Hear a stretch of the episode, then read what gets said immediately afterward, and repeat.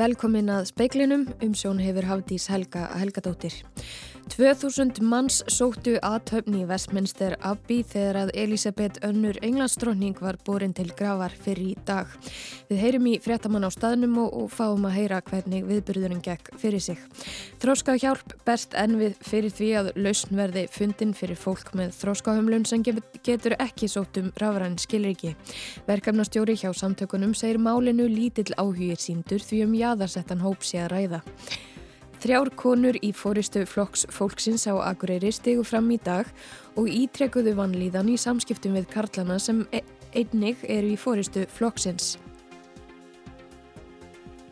Fiskistofa notast við dróna í leitað ummerkjum um eldislags í vestfiskum ám eftir að þeir veitust í mjölka og jarnafyrði. Sviðstjóri hjá Fiskistofu segir lítil ummerkjum fisk en sem komið er. Snjálfsíma forrið sem er í smíðum á að hjálpa fólki að æfa sig að tala íslensku í einrúmi. Annar höfundur verkefnisins segist byggja á eigin reynslu en hún læriði íslensku á unlingsárum. 2000 manns sóttu ofinberja út fyrir í Westminster Abbey þegar að Elisabeth Önnur Englandsdrottning var búrin til gravar fyrir í dag. Miljónir komu saman til að fylgjast með en drottningin var lögð til hinstu kvílu í kapellu Heilags Georgs í Vinsorkastala við hlið eiginmanns ins Filipussar prins og foreldra sinna, Georgs sjötta konungs og drottningar móðurinnar. Óluf Ragnarstóttir er fréttamaður, er á staðnum þetta var risastór viðburður. Hvernig gekk þetta allt saman fyrir sig? Já, það er óætt að segja það. Þetta, þessi viðburður, það hefur verið talað um að hann sé í rauninni stærri en ólimpíuleikar og konunglögt brúðkaup til samans sem er alveg rétt. En þetta gekk allt saman að því sem ég best veit og ég sá uh, mjög vel fyrir sig. Það er líka augljóst að þetta er þaul skipulagt en það var þetta svo sem vitað fyrirfram og það eru hérna uh, lauruglumenn einhvern veginn á hverju hortni og sjálfbúðaliðar og ég veit ekki hvað og hvað. En þetta gekk allt saman að ég best veit mjög vel. Já, en viðbörðurinn sjálfur hann er já búinn. En hvernig er núna í borginni? Við stöndum með mitt hérna og horfum beint á Vestminster Abbey þar sem Eh, aðtöfnin fór fram og það er ekki langt síðan að þau byrjuði að hleypa fólki þar inn á svæði. Þetta er svona síðasta svæði held ég sem að þau eru að opna fyrir almenningi og ég myndi giska það að langt flestir brettar séu farnir heim. Hér eru aðlega túristar á vappi og eru til dæmis að myndast byðraðir við svona rauða breska símaklefa því að fólk er að taka mynda sér með þeim þannig að þeir ferðamenn sem áttu kannski bókað að ferð hingað hafa ekkert fengið að skoða borginna nógu vel en en er fá að gera það núna. Einmitt takk fyrir þetta Ólef Ragnarstóttir í London. Þróskahjálp hefur barist fyrir því í rúm þrjú ár að fundin verði lausn fyrir fólk með þróskahömlun sem getur ekki sótt um rafræn skilríki. Inga Björk Margreðar Bjarnadóttir, verkefnastjóri hjá samtökunum, segir að neyðar ástand ríki vegna þess að um jáðarsettan hóp sé að ræða því sé málinu síndur lítill áhugi. Þróskahjálp hefur ítrekkað bent stjórnvöldum á að finna þurfi aðra auðkynnisleið fyrir þróskahamlaða sem ekki geta sótt um rafræn skilriki. Verið sé að brjóta mannrættandi á þeim þar sem þeir geti ekki nýtt sér ímsa þjónustu. Í grunninn er þetta þannig að fólk er, ney, fólk er neita um rafræn skilriki vegna þess að hefur ekki færðina til þess að velja fjárasta pinnúmer og eða skrifa undir til þess staðfesta að það sé að fara að nota rafræðinu skilvíkin sín. Sæmundur Ólafsson, fadir stúlku með þróskaröskun, segir að þetta skapi ímis vandamál. Dóttir minn er þess að dæmi gerði einhverja þróskaröskun og getur sérst ekki sótt um hérna skilvíkið sjálf og þegar hún var 16 ára þá dætt hún til að sóta heilsuður í hann og því miður þá fær hún bara ekki rafræðinu skilvíkja þegar hún getur ekki skrifað sjálf.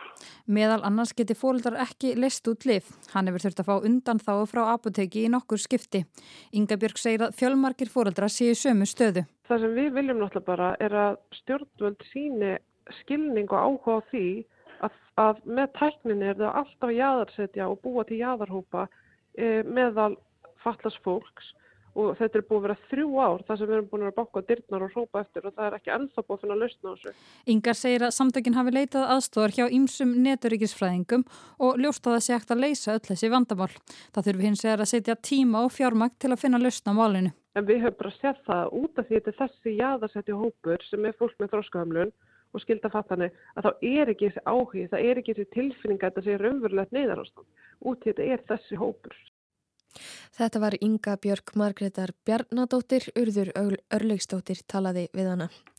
Málfríður Þórðardóttir, Tinna Kvumustóttir og Hannesína Skeving var að bæja fulltrúar flokks fólksins á Akureyri segja samskiptin við karlfóristu flokksins á Akureyri hafa valdið þeim gríðarlegri vanlíðan. Þær sendu frá sér yfirlýsingu í síðustu viku vegna málsins sem síðan hefur vakið mikla aðtegli í fjölmiðlum. Þær bóðuðu til fréttamannafundar nú síðdegis til þess að ítreka sína hlið málsins og svara ávirðingum karlana í fjölmiðlum síðan þær stegu fyrst fram í síðustu viku viku. Það er segja erfitt að stiga fram. Sko, þetta bara valdi okkur kvíða og vanlíðan og, og, og svefleysi og maður þrýfst valla orðin, mm. ef maður orðaða þannig, út af vanlíðan og, og bara, já, tilfinningin bara maður langar bara að loka sér inn í eitthvað neginn, þetta er eitthvað neginn orðið, mm. bara virkilega vanlíðan í kringum þetta, virkilega leiðilega vanlíðan. Já, maður eiginlega orðin svolítið óurugur líka, maður vissi ekki allveg ykkur um átt að búast eh, þegar maður opnaði tölupóstinn á mótni, hvort, hvað, hvað beð manns?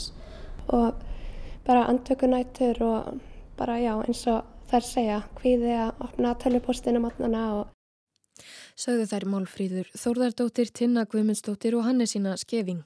Þeir Brynjólfur Ingvarsson, Ottviti Flokks Fólksins og Jón Hjaldarsson sem skipaði þriðja sæti á lista hans í sveitastjórnarkosningunum í vor vísuðu öllum ásökunum á bög í aðsendri grein á vísi í morgun. Úlf Kristersson leiðtói moderat, moderat, Ratenna, hófsamra hægri manna í Svíþjóð, fekk í dag umboð til að mynda nýja ríkistjórn í landinu. Búist var við þessu eftir að hægri blokkin var naumann sigur í þingkosningum fyrir umri viku. Kristersson fundaði með Andreas Norlen, forsetta þingsins, rétt eins og allir aðri leiðtóðar fyrir utan Magdalenu Andersson leiðtóga jafnaðanmanna. Viðræðunar eru líklegast til að taka nokkur tíma. Fiskistofa hefur leitað í ám á vestfjörðum eftir að 16 eldislagsar fundust í mjölká í Arnarfyrði. Við leitinar er stuðst við dróna sem fljúa yfir Arnar og myndaðær, en sem komið er hefur lítið sérst af fiskum. Takmörku reynsla er af nótkun dróna í þessum tilgangi að sögn Guðna Magnúsar Eiríkssonar sviðstjóra hjá fiskistofu. Það er þó gert þegar tilefni þykir til, sem er raunin eftir veiðina í mjölká í ágúst. Þar veitust 32 lagsar en helmingur þeirra reyndist eldislags.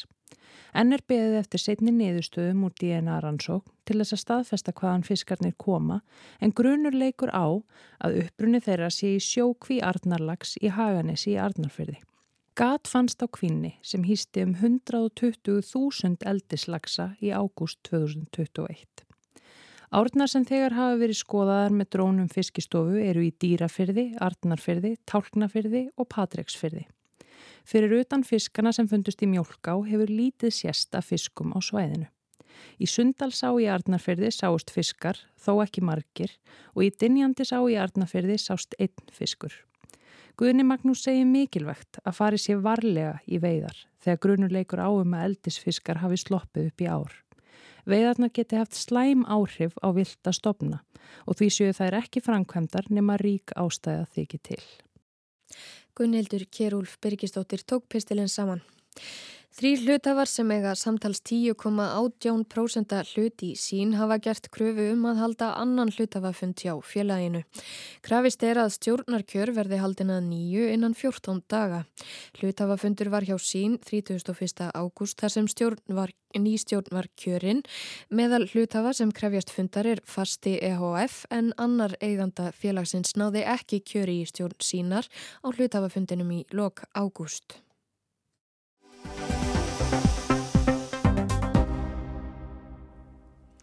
Nýtt forrið sem er í smíðum á að hjálpa fólki að æfa sig til að tala íslensku í einrúmi. Annar höfundaverkefni sinn sem lærði íslensku á unlingsárum segist vilja einfalda íslensku námið en það reynist oft talið stærsta hindrunin. Máltækni verkefnið fekk í sumar 20 miljóna krónastyrk frá Rannís. Yo tengo tres libros. Yo tengo tres libros. Þeir eru þó nokkrir talgreinarnir sem skilja heimsmálinn, en færið er að kunna íslensku. Ef fer sem horfir geti eitt slíkur þó liti dagsins ljós á næstu missurum.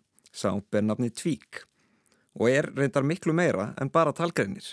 Tvík stendur fyrir taknivanda íslensku kennaran og er uh, gagverkur og gerðvigrandi yfir kennsluvettvangur sem hjálpa fólki að tala íslensku og í framtíðinni unnu tungmál og er að mörguleiti byggt á mínu eigin reynslu að læra íslensku. Segir Gamitra Marga forreitari.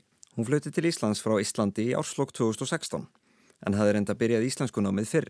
Ég byrjaði að læra íslensku cirkað svona 13 ára uh, og þá var ég bara að reyna að finna eitthvað dóta neyturinn sem ég geti leikið mér að og eitthvað svona memræs upp og, og allt þannig. Hlustaði mikið á Rást 2 þessum tímabili, skildi ég ekkert fannst bara gamla að hlusta en gætt engan við tjáð mig. Fyrst skildi sem ég reyndi það íslensku skildi við komandi ekki neitt og ég gafst upp um, og svo flutti til Íslands og var orðin alveg svona fín í að skilja en gekk ekkert að tala þetta var bara ómögulegt en var í skóla og svona svar ég alltaf öllu á ennsku en gæti alveg lesið en það að byrja að tjá mig íslensku var bara, þetta var bara skref sem mér fannst ómögulegt að komast yfir eins og mörgu fólk hérna á Íslandi. Þetta er kunnulegt stef.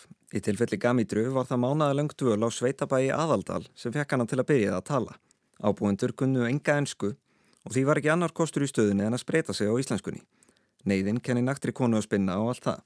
Og í raun var þetta þessi einn mánuður sem vist breytti öllu. Það var ekki grunnvinnan, það var ekki vinnan eftir og það var bara það, það vist hoppið júbulögina sem er einmitt það sem reynsla sem ég er að reyna að bjóða öðrum upp á án þess að þurfa að flytja sveitina. Einmitt þetta sem þú ert að lýsa er svona vandamál sem að kannski fleiri, já fleiri hafa talað um þetta að fólk reyni að tala íslensku en það gangi ekkert vegna þess að fá bara sagt, svara á einsku. Nákvæmlega, Íslandingar er mjög djúlega skipta yfir og ekki lítið þetta mann og það er alltaf læg. Það, það er bara alltaf læg að vilja tala við fólk á málinu sem hendar hverjunu samtali og einmitt, við trúum bara því að sumt Sumverkjumni eru bara þannig að velmenni geta gert þau betur en fólk og sérstaklega það kemur að því að bjóða upp auðvörugt umhverju fyrir fólk að prófa sig áfram í málunni. Það er mitt miklu einfaldara fyrir velmenni en fyrir fólk og líka að bjóða upp á rauntíma leiðritningu.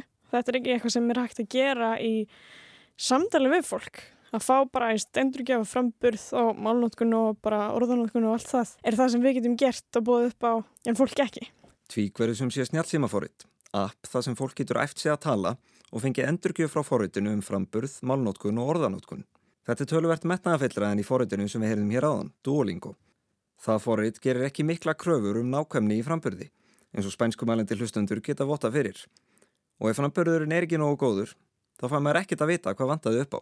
Hvernig er svona, já, tæknilega hliðin á bakvið þetta? Þetta lítur að vera tölugur vinna að fá, að fá app til þess að skilja íslensku.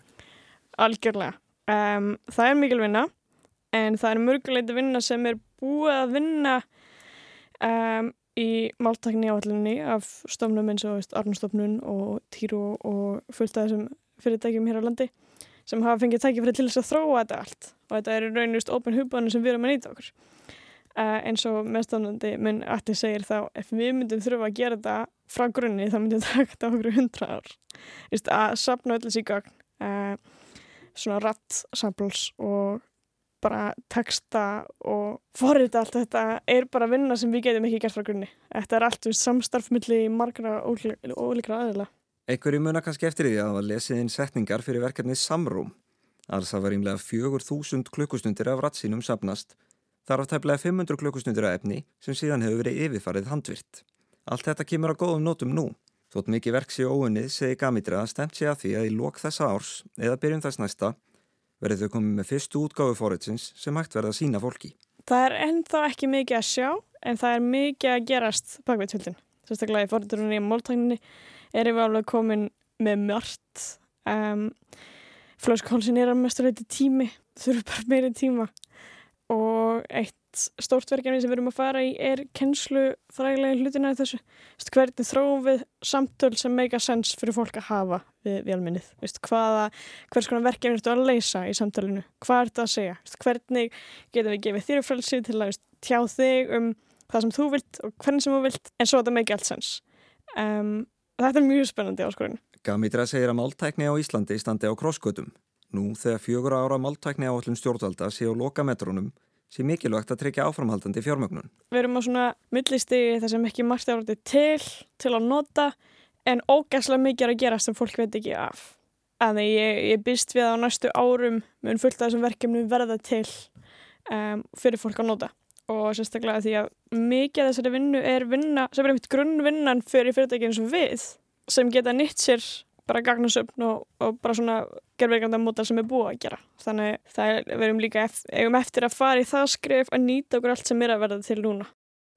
Saði Gamítra Marga, Alexander Kristjánsson talaði við hana.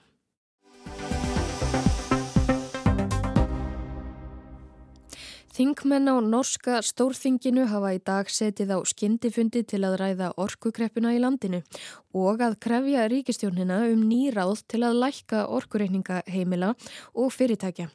Ríkistjórnin lofaði engu fögru en ætlar að halda áfram að milda áhrifin af stöðugt hækkandi rafmaksverði.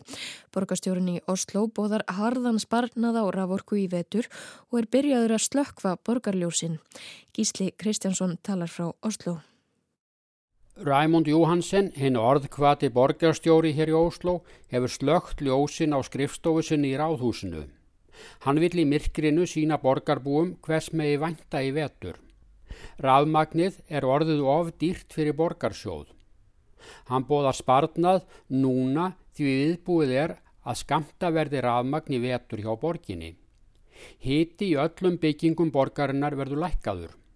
Ljós á alltaf vera slögt ef menn fara út úr herbergi eða skrifstofu. Aldrei má vera kveikt á peru í ónótuðu herbergi. Þetta á líka við um salerni. Farið verður yfir þétti kanta á öllum hurðum og glukkum. Og þetta gildir innan hús. Utan hús verður raflýsing við götur og torg takmörkuð og jafnvel haft algjert myrkur á nótunni. Hætt verður að lýsa upp fótboltavellu og æfingasvæði við svegar um borgina. Ekki verður hægt að frista skautasvell, sama á við um framleiðslu og snjó á skíðasvæðum. Hætt verður að hita upp vatn í sundlögum. Opnunatími stopnana verður jafnvel stittur. Þetta eru aðgerði sem borgarstjóri og fjármálastjóri Óslóar hafa kynnt í dag og verður beitt í vetur. Það er aðeins upphafið að borgarstjóri sjálfur slökk við ljósin á eigin skrifstofu og þetta er lýsandi fyrir stöðuna í orkumálum landsmanna nú þegar tekur að kólna að hausti. Þingmenn á stórþinginu hafa setið á skindifundi í dag að ræða viðbröð við hækkandi rafmagsverði og hugsanlega um skorti á rafmagni. Í borginni fer um 60% af öllu rafmagni til að lýsa upp og hita skóla og íþróttamannvirki. Því er viðbúið að sparnaður og skömmtun bitni fyrst á börnum og ungmennum. Það verður minna um að vera í vetur á íþróttavöllum og kaldara í skólastofunum. Annar mál er svo að þingmenn er ekki á einu málum hvað ber að gera. Þingvundur í dag leiti ekki til nýðustöðu sem ríkistjórn Jónasarkar störi fórsættisráþara þarf að fara eftir. Ríkistjórnin og hún fær stuðning stæsta stjórnar anstöðuflokksins vill ekki ganga lengra en verið hefur í að nýðurgriða rafmagn og kröfur um verðstöðun haf ekki hlotið stuðning við borð ríkistjórnarinnar. Raunar má merkja að skoðanir eru skiptar bæði innan stjórnar og stjórnar anstöðu. Í stjórnar anstöðunni hefur hægri flokkurinn ekki vilja beita sig fyrir öðrum aðgerðum en að milda áhrif orkukreppunar. En framfaraflokkurinn, hinn stóri stjórnaranstöðuflokkurinn, vil verð stöðvun og að útflutningi á rafmagni verði hægt. Innan ríkistjórnar hafa deildar meiningar komið fram á sama hátt á að setja rafurkuna undir ofinbera stjórn eða láta markaðin ráða. Kröfum um hámarksverð hefur hafnáðu þeirri forsendu að það leiði aðeins af sér meiri eftirspurn á tímum orku skorts.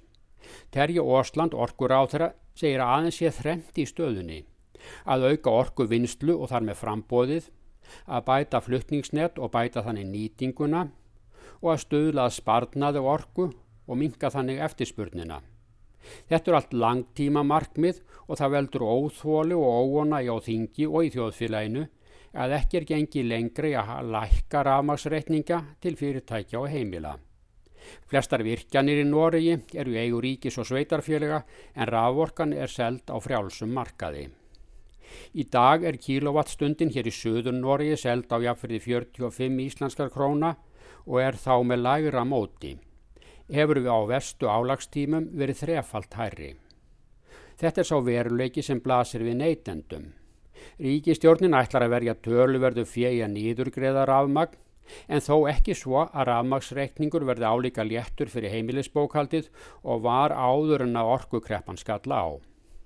Nún er vattstaða í uppistöðulónum óvenju lág.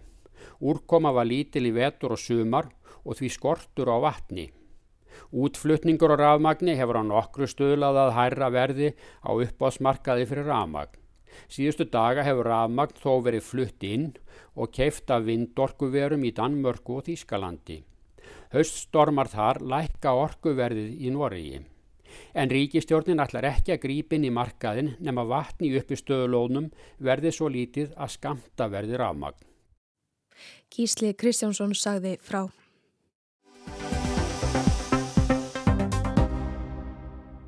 Danska embætismannakerfið nötraði þann 20. janúar þegar hulunni var svift á nöfnum fjögur á manna sem sátu í gæsluvarðaldi fyrir alvarlegan glæp að ljóstra upp um ríkislendamál og það sem meira er, eitt þeirra handteknu var engin annar en sjálfur aðsti yfirmaður leinithjónustu danska hersins, Lars Finsen.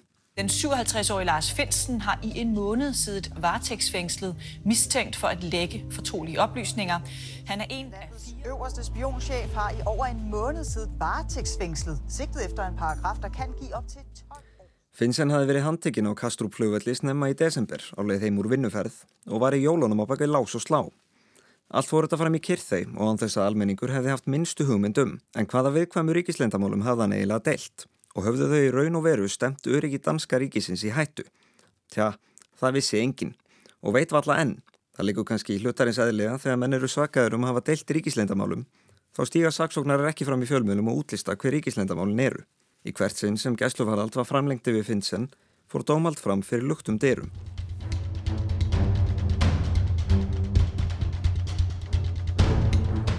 Lars Finnsen er lögfræðingur af ment. Áður en hann tók við forstjórastöðunni í leinithjónustu danska hersins að hann verið yfirmaður hinnar leinithjónustunar í Danmörku, leinithjónustu dönsku lauruglunar, PET. Þar áður skrifstofustjóri í Varnamálóraðunitinu. Finnsen satt í þjóðaröryggisráði Danmörkur og hafði gert í einn 20 ár. Morten Skjöldager, dómsfréttarittar i politikken, lýser honum som dønsku lænithjónustunni holdt i klatri. Han er formentlig det menneske i Danmark, som har allerstørst erfaring med hemmelighed og efterretningsarbejde. Finnsen hafði þó sína leinithjónustan ætti að vera eins opinn og kostur er. Það væri til þess fallið að auka tröst almennings á störfum hennar. Í því fólst meðal annars að upplýsa almenning um hriðuverkók sem hafi verið hrundið aftur. Þessu lísti hann ágætlega í hlaðvarpstætti politikken stuttu fyrir handtökuna. Og vi havde den tilgang i PET, at vi skulle kommunikere terrortruslen, og vi skulle fremstå så tilgængelige og transparente som overhovedet muligt for at skabe tillid til vores arbejde og, og, og hos den enkelte borger også. Sagan af handtökunni nær aftur til höstins 2020. Þá gaf sérstök eftirlitstofnun sem hefur það hlutverk að fylgjast með störfum leinithjónustunar út svarta skýslu um störfennar. Eftirlitstofnuninn taldi ástöðu til að ætla að leinithjónustan hefði, þvert á lög, sapnað og aðfenda upplýsingar um danska borgara úr landi. Varnamálar á þeirra Danmörkur brást skjótt við og sendi Finnsen og fjóra aðra yfirmenn í leinithjónustunni umsveifalaust í leifi frá störfum. Sérstökur ansóknarnemnd var skipuð til að fara ofan í saumana á meintum brotum. Þeir eru ansók löggreindar nýlega og var niðurstaðan svo að leinithjónustan hefði engin lög brotið. En í millitíðinni hófu fréttir að byrtast í dönskum fjölmiðlum.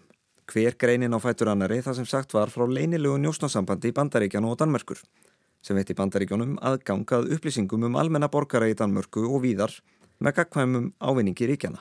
Þetta samkumlag var svo sem þekkt, en umfang þess ekki og ekki heldur að núverandi varnamálar á þeirra hefði í hyggju að segja því upp. Stötu síðar komu uppljóstrannir um að bandarækjumenn hefðu nýtt þetta samstarf til að njósna um erlenda þjóðarleðtó að vina þjóða, svo sem Angelu Merkel, Þískalandskanslara. I samarbejdet har den amerikanske efterretningstjeneste fået adgang til store mængder data. Det er sket ved, at NSA har fået adgang til informationskabler, som kan indeholde både sms'er, internetdata og også telefonsamtaler. Danska ríkisútarpið segir að innan leinithjónustönar hafi mönnum hægt að lítast á blikuna. Ljóst væri að einhver innan þeirra raða væri gasbrandi í fjölmiðla hægri vinstri. Þannig fóru stórfyrirtinnar á færibandi úr leinimöppum dansku leinithjónustunar og yfir í fjölmiðla. Berlínske flutti til að metta fregnir af því að danskur maður, Ahmed Sassam, sem hafi verið dæmtur í 8 ára fangelsi á Spáni fyrir að tilera hriðuverkarsamtökunum Íslamska ríkinu, hann hefði raun verið senduðangað á vegum leinithjónustu danska hersins með fjö og tilteki verkefni. Ekstra blaði ljóstraði stuttu síðar að ríkistjórnin hefði hunsað ráðleikingar leinithjónustunar í máli barna sem voru föst í fangabúðum í Sýrlandi eftir að mæður þeirra gengur til liðs við Ísis. Leinithjónustan vildi fá börnin til landsins, annað skapaði okn fyrir Danskaríki til framtíðar en ríkistjórnin, hún vildi ekki sjá þau. Uppljóstrandar eru til þess að ríkistjórnin var nöðbeð til að skipta um skoðun. En er ekki vita fyrir víst hvaða upplýsingum Lars Finnsen á að hafa ljóstrað upp og ekkert leiku fyrir um að Finnsen sé endilega heimildamæðurinn að baki þessum fréttum. En á meðan á öllu þessu stóð var heimili hans sími og sumabústaður í það minnst að hleraður. Frá því gáttu fjölmjöla greint í síðustu viku þegar ákjæra var lóks skifin út. Ákjæru efnið er að hafa deilt leinilegum upplýsingum, ekki kemum fram hverjum, með sex manneskum móður sinni á nýraðisaldri, bróður, kærustu, vini og tveimur bladamönnum. Meint brot áttu sér staði við 16 mánuða tímabil þar sem Lars Finsen var í fyrrnemdur leifi frá störfum. Málið hefur varpa ljósi á tókstreituna millir hagsmuna leinithjónustustofnana og fjölmiðla. Leinithjónustan vil halda upplýsingum frá almenningi á þeim fórsöndum að þar séu sérstökur ríkislendamál á ferðinni. En eiga þær upplýsingar þá aldrei erindi við almenning. Að koma stjórnmálamanna að málunu hefur líka vakið undrun. Komið við fram að tiltekni stjórnmálamenn hafi fengið kynningar á rannsókmálsins og á þeim fundum hafi ímislegt verið látið flakka sem hefur ekkert með sakamálið að gera. Upplýsingar um enga lífi leinithjónustu fórstunans og meira segja hvað fyrir fram í Svefnherberginu hans.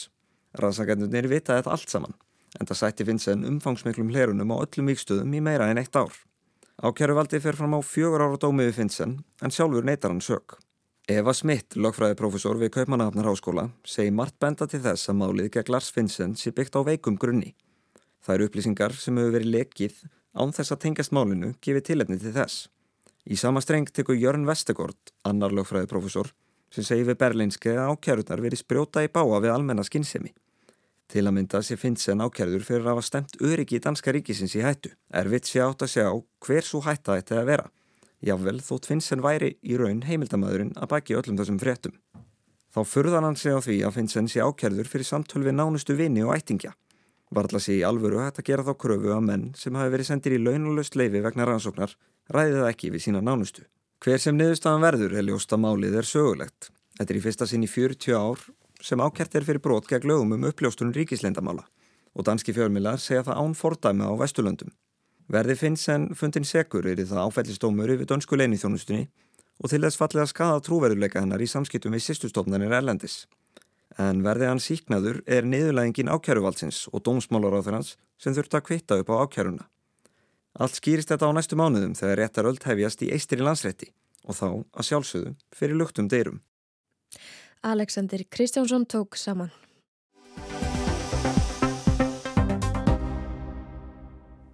En það var helst í speiklinum í kvöld að 2000 manns sóttu aðtöfni í Westminster Abbey þegar að Elisabeth önnur englandsdrótning var borin til gravar fyrir í dag.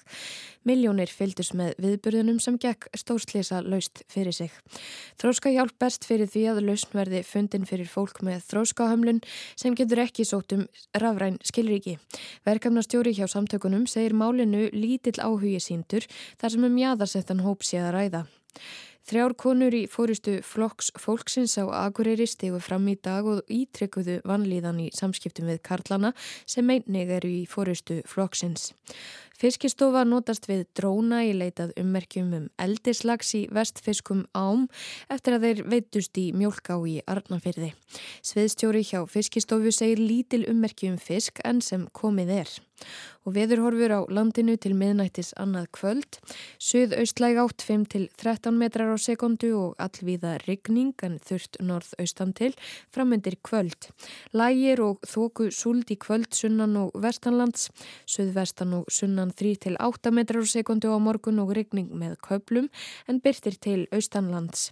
Hiti 10 til 18 stig hlýjast um norðaustanvert landið.